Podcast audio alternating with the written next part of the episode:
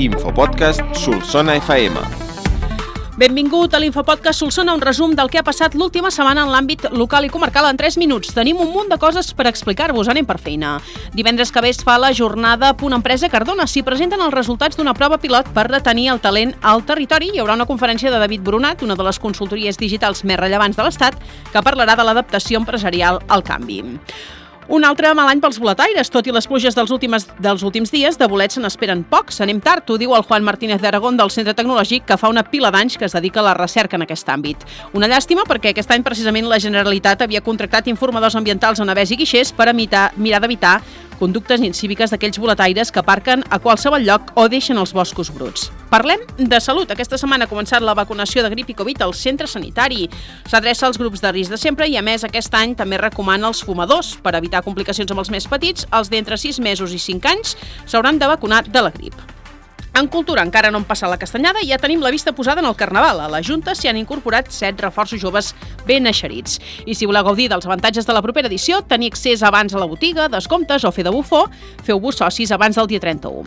Però abans de Carnaval passaran més coses en l'àmbit cultural. L'Uri Gilibets i l'Eduard Gené han decidit portar públic el seu podcast Llegir, que es posarà en escena a Gerrec i al Tatrau entre el novembre i el desembre. Faran música, tertúlia, portaran gent de fora del món de la cultura per xerrar una mica de tot. I la regidoria de Cultura fa una crida als artistes que vulguin participar al Mira l'Art, que s'apuntin. Aquesta ha estat una setmana carregada de premis. El Centre de Ciència i Tecnologia Forestal de Catalunya ha rebut el Premi Regió 7 Actius Socials. Tres productes de les formatgeries Valet de Sant Llorenç i la del Miracle han estat guardonats al concurs de formatges artesans del Pirineu i de pagès s'han portat el Premi Emprenedoria Rural dotat amb 15.000 euros. La tercera fira de la Terra del Solsonès, la Solsoterra, que para l'agenda del cap de setmana, comença ja avui a dos quarts de vuit del vespre a la plaça Major amb els tastets de les jornades gastronòmiques. Abans, fins a les 9, podeu passar per la polivalent a donar sang o plasma. La fira serà demà durant tot el dia i diumenge al matí al nucli antic amb tallers, xerrades, parades. Recordeu que el Sols Birrafest s'ha traslladat a la plaça de les Moreres per guanyar espai i hi haurà actuacions musicals en directe. En esports, cap partit destacat, però activitat frenètica a les instal·lacions esportives municipals.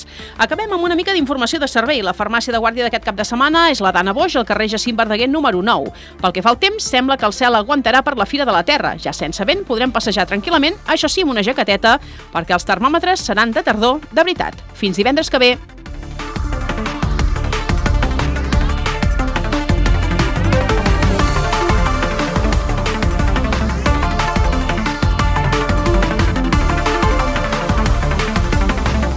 Infopodcast Solsona, una coproducció de Solsona FM i la xarxa.